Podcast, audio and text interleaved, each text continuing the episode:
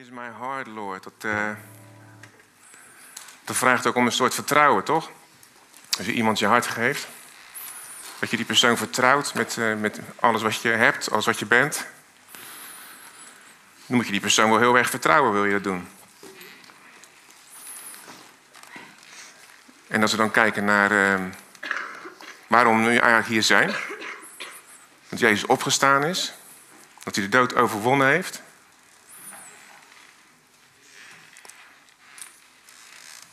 En dat hij jou voor altijd vrijgekocht heeft. Als je je hart aan hem geeft, hier is mijn hart, Lord. Dan heeft hij jouw leven voor altijd veranderd. Voor altijd. En niet omdat jij zo goed bent. Niet omdat jij het verdient. Want het werd hoog tijd dat iemand mijn leven redde. En ik heb best goed gedaan tot nog toe. Maar want hij ervoor koos. En hij kiest nog steeds voor jou. Elke dag weer. Elke dag weer kiest hij voor jou. Als jij niet ziet zitten, kun je altijd naar hem toe. Hij kiest voor jou. Hij is helemaal ready to go.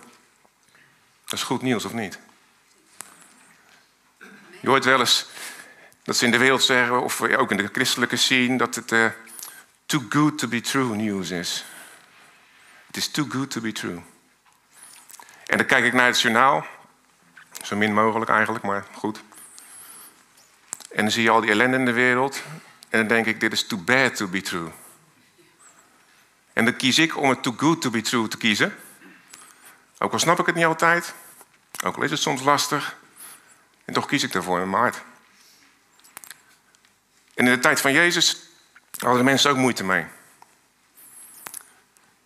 Kwamen de fariseeën op hem af. Dat is de eerste tekst. En... Uh, Jezus die, die was volop aan het bedienen, de mensen aan het verzorgen.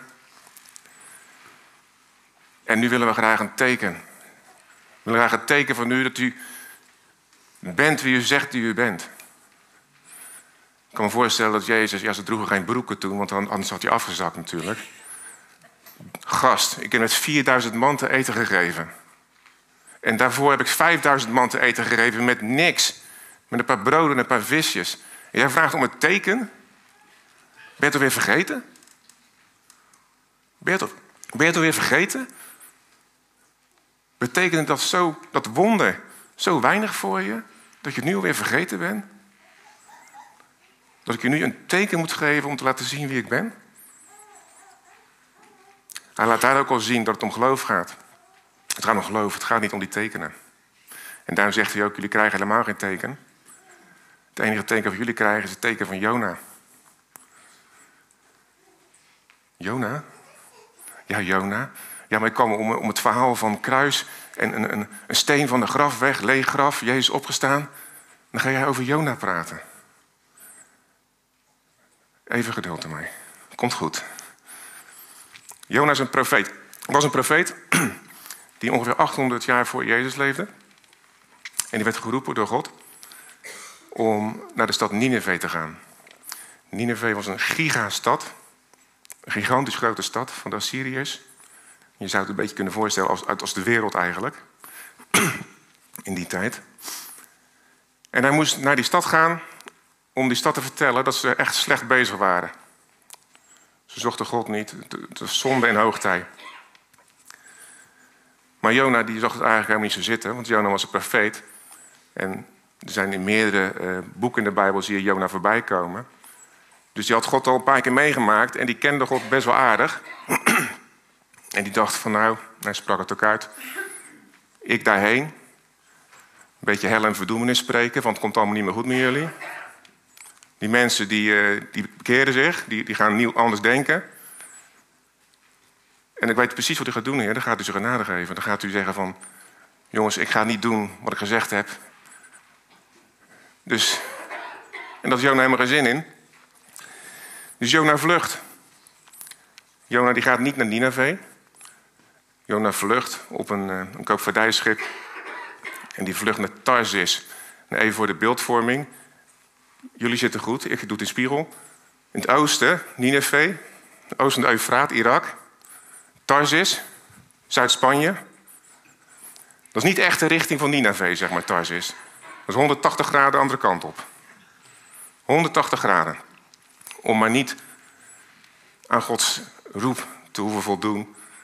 Omdat hij eigenlijk gewoon niet wilde dat die stad gered werd. Hij vond, ze zijn slecht, laat ze maar straf krijgen.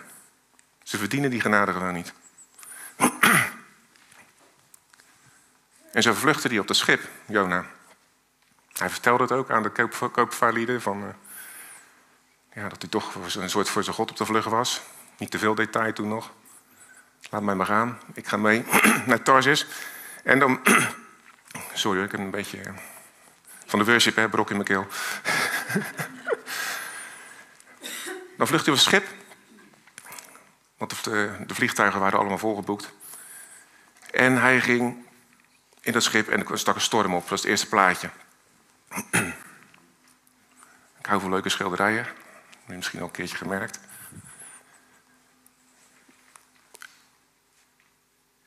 Als je Jona leest, dan staat er ook dat God een, een, een, wind beschikte. Dus die zorgde dat er wind was en dat de zee heel onstuimig was, werd. Die werd zo onstuimig dat die, die, die, die, eh, scheepslieden die waren toch wel gewend, want ze, ze, ze voeren immers van, van, van Israël naar Spanje heen en terug. Dus die waren wat gewend. Maar die waren eigenlijk bang voor hun leven. Zo ging het tekeer. Want de zee die, die sloeg en beukte op dat schip. En ja, ze, gingen, ze gooiden al spullen overboord eh, om, om het schip lichter te maken. Ik weet niet of het helpt. Ik heb geen verstand van, uh, van hoe noem je dat? Scheepvaardij. Maar in de Bijbel wordt ook wel eens, ehm, als uh, bijvoorbeeld in openbaring, als God over de zee spreekt, dan gaat het over mensen. Mensen die God niet volgen, mensen die ehm, niet het beste met je voor hebben. En zo kan je hier ook naar kijken. Jona die was te vlucht en ze werden bedreigd. Dat was serieuze, levensbedreigende, levensbedreigende dreiging en angst was daar. En de zee beukte erop in. En op een gegeven moment dan denken ze, ja, dit gaat iets niet goed. We proberen alles. Ze gingen bidden tot hun goden. Ze volgden nog een cursus yoga. Ze gingen nog op een club om mandala's te tekenen. Ehm, ze gingen uh, gokken en een drugs hebben nog geprobeerd. Lukte ook niet. Het werd maar niet rustig in hun hoofd. Die zee bleef beuken. Die zorgen bleven komen. Ze probeerden van alles. Ze probeerden zich af te zonderen. Lukte allemaal niet. Tot op een gegeven moment ook naar goed gebruik door een lot geworpen werd. Om aan te wijzen hoe het kwam. En dat lot dat wees Jona aan. En Jona vertelde ook van ja, eh, ik ben bang dat ik wel niet alles verteld heb. Sorry. Maar uh, ik ben een Hebreeër, een Jood. En ik ben op vlucht van mijn God. Mijn God wil namelijk dat ik daarheen ga. En jullie boot gaat die kant op. Dus ik denk toch uh, dat, dat, dat ik het, de oplossing en het probleem ben. En ik denk dat jullie problemen over zijn als je mij overboord dist. Ja, dat is natuurlijk een beetje, een beetje raar. Hè? Ze waren echt in nood. Maar A, dat zal wel lekker helpen als je jou overboord gooien. Um, en B, nou, ik vind het ook niet echt aardig om iemand overboord te gooien, toch? Ik bedoel, dat doe je niet direct. Dat is niet de eerste gedachte die je hebt als je in nood bent. Dus ze ging nog even verder, zelf tobben. Dat doen christenen bijna niet, hè, zelf tobben.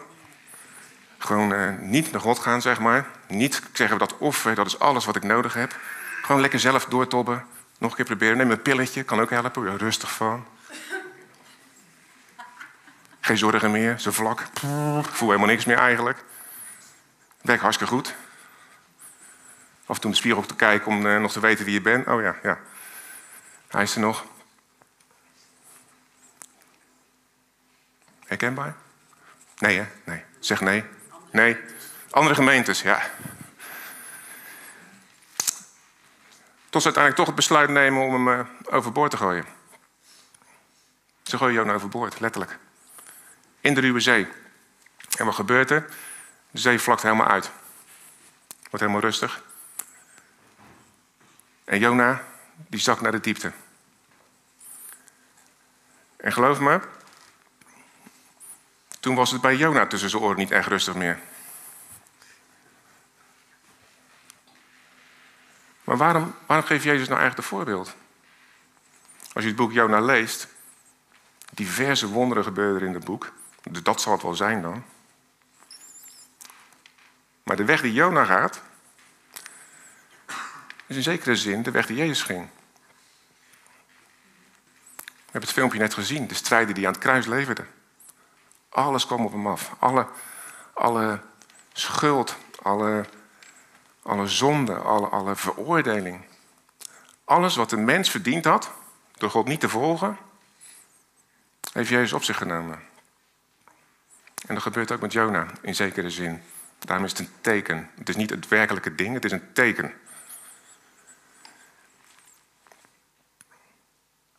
Laten we maar die tekst voorzetten.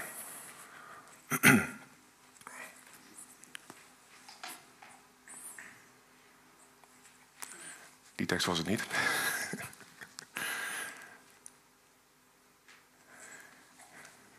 Wat heb je met mijn presentatie gedaan?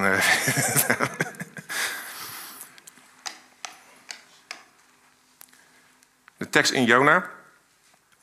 En het gaat over dat als Jona ehm, in de zee geworpen is en dat, dat meegemaakt heeft, zijn weg. Is hij er nu, ja? Oh, super.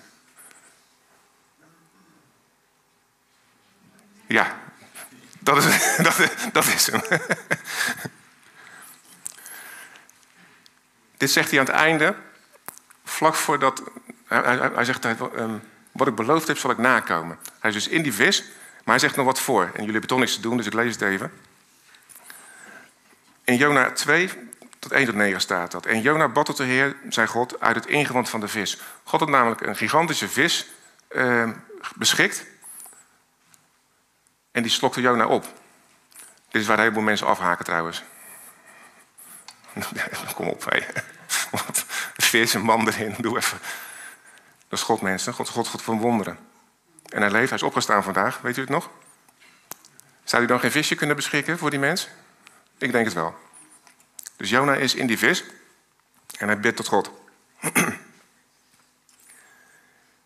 hij zei, ik roep uit mijn nood tot de Heer en hij antwoordde mij, uit de schoot van het dodenrijk schreeuwde ik. Jezus is afgedaald naar het dodenrijk. Amen. En u hoorde mijn stem. U had me in de zee geworpen, in de diepte, in het hart van de zee, tussen de mensen. Jezus werd in principe tussen de mensen gegooid ons te verlossen. Hij was God en hij werd volledig mens. Kan je je voorstellen wat dat met, met, je menselijke wijs gedacht met je doet? Als je dus goddelijke divineheid, hè, goddelijkheid gekend hebt, in perfecte staat was, en dan tussen dat zootje ongeregeld gezet wordt, wat jou niet wil kennen, kan je je voorstellen hoe dat voelt? En je hebt maar één opdracht. En dat is om ze te redden. Wow. Is dat liefde of niet? Is dat liefde? Dat je je leven gaat willens en wetens je leven gaat geven voor mensen die jou niet moeten? Is dat onvoorstelbaar? Is dat too good to be true news? Het is waar, mensen. En ik zei: Verstoten ben ik uit uw ogen. Zou ik ooit weer uw heilige tempel aanschouwen? Jezus zegt aan het kruis, waarom heeft u mij verlaten? Waarom heeft u mij verlaten? Het moment dat al deze dingen, al deze uh, ja, duisternis zou ik maar zeggen, al deze zonde, al deze onreinheid op Jezus kwam, dat was het enige moment dat hij niet meer voor God kon staan. Dat hij het echt alleen moest doen. Hij moest dat dragen.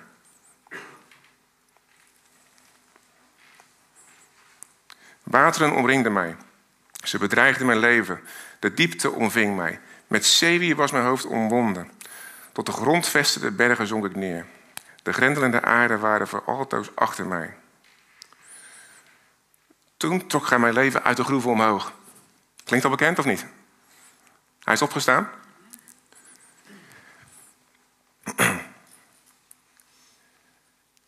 Oh maar. Oh, dat moet ik niet doen.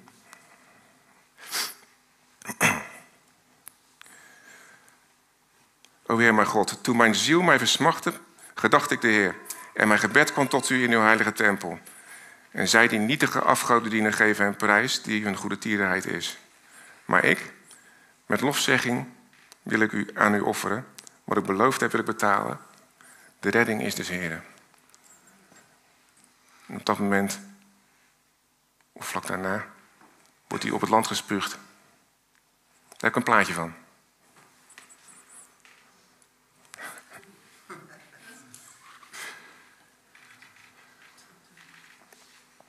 Leuk hè?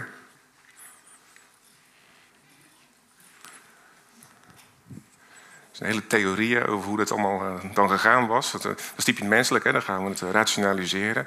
Even wachten, hij was drie dagen in, de, in de, het spijsverteringskanaal van een vis. Hoe moet hij er wel niet uitgezien hebben na drie dagen? en geroken. maar goed, dat terzijde. Maar Jona gaat dus naar Nineveh en hij gaat doen wat hij beloofd heeft. Hij gaat er nu wel naartoe. En wat gaat hij in Nineveh doen? Daar gaat hij vertellen dat ze zich van hun weg moeten, moeten afwentelen. De, de Bijbel zegt uh, bekeren. In de grondtekst is het eigenlijk toch, ze moeten anders gaan denken. Anders denken dan dat je deed. Wat jij dacht wat waarheid was, dat is geen waarheid. Wat jij dacht dat goed voor jou was, dat is niet goed voor jou. Kijk naar je leven en meet de resultaten. Zonder God is het gewoon. Wat zeggen ze zeggen zo'n woord?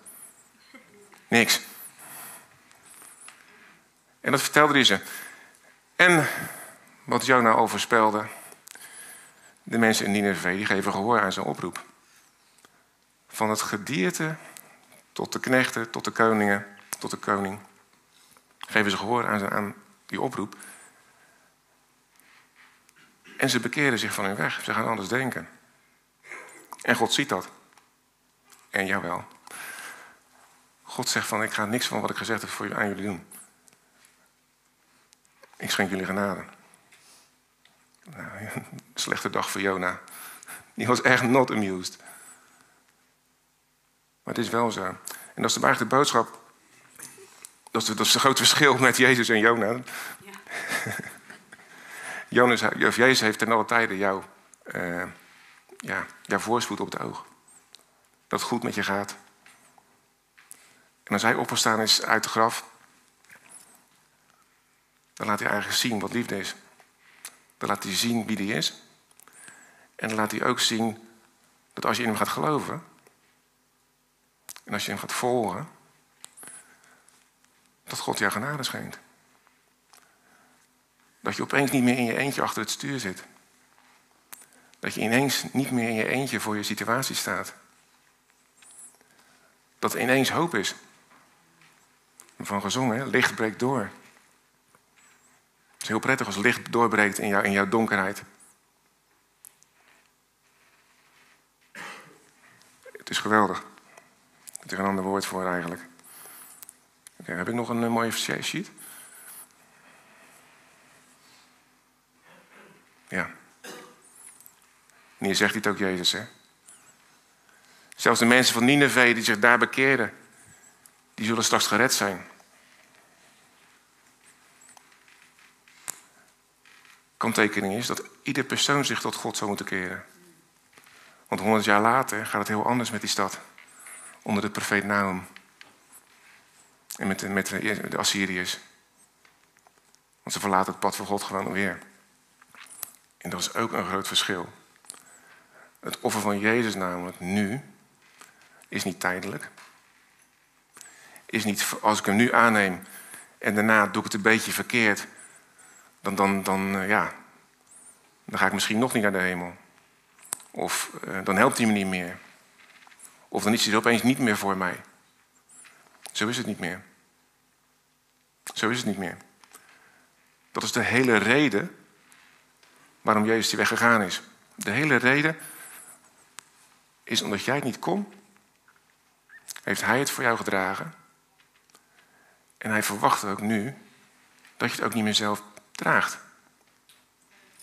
Dat je met al je hebben en houden naar Hem toe gaat. Omdat je zegt, ik heb het al gedragen voor je. Waarom draag je het nog zelf? Waarvoor ben je nog steeds, net als die mannen aan boord van het schip... Uh, bagage overboord aan het gooien, andere auto aan het kopen. Gevoelig onderwerp. Uh, noem maar op. Waarom doen we dat nog? Het is eigenlijk voor, voor mensen die God al kennen, is het eigenlijk niet veel anders wat dat betreft. Als voor mensen die God niet kennen. Want je gedraagt je als kind van God alsof je God niet kent. En dat is jammer. Paulus zegt gelukkig, er is geen veroordeling meer voor hen die in Christus zijn. Dus het zal je nooit meer aangerekend worden als kind van God. Maar je doet jezelf tekort. Hij is opgestaan, hij leeft. Dus nieuw leven voor jou vandaag. Nieuw leven. En ik heb vaker gezegd, dat nieuwe leven, dat is niet je oude leven dat een crèmespoeling heeft gekregen. Of een nieuw jasje aangetrokken heeft. Dat is een nieuw leven. Dat oude leven, dat is met Jezus gestorven. Weg. Niet meer gevoelig voor zonde. Niet meer gevoelig voor wat andere mensen van je denken. Niet meer gevoelig voor ziekte. Dat heeft hij allemaal gegeven. En proost. Je? Ook, dat helpt.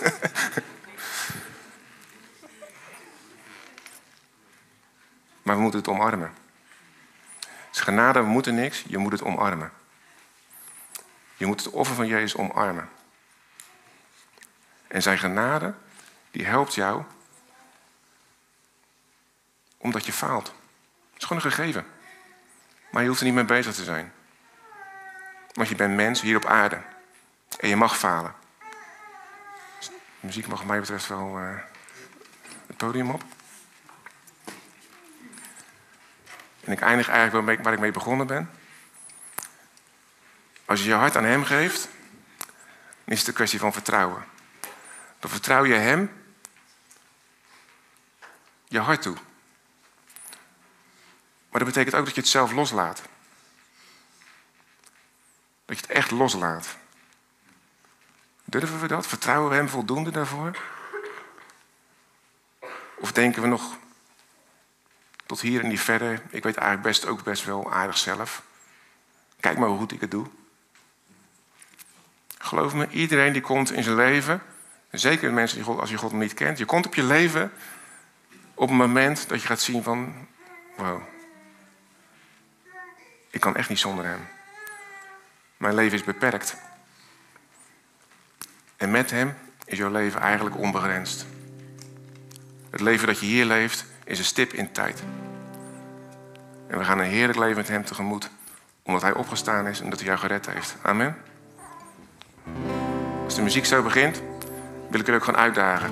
Om, je mag het fysiek doen, je mag het ook gewoon in je gedachten doen.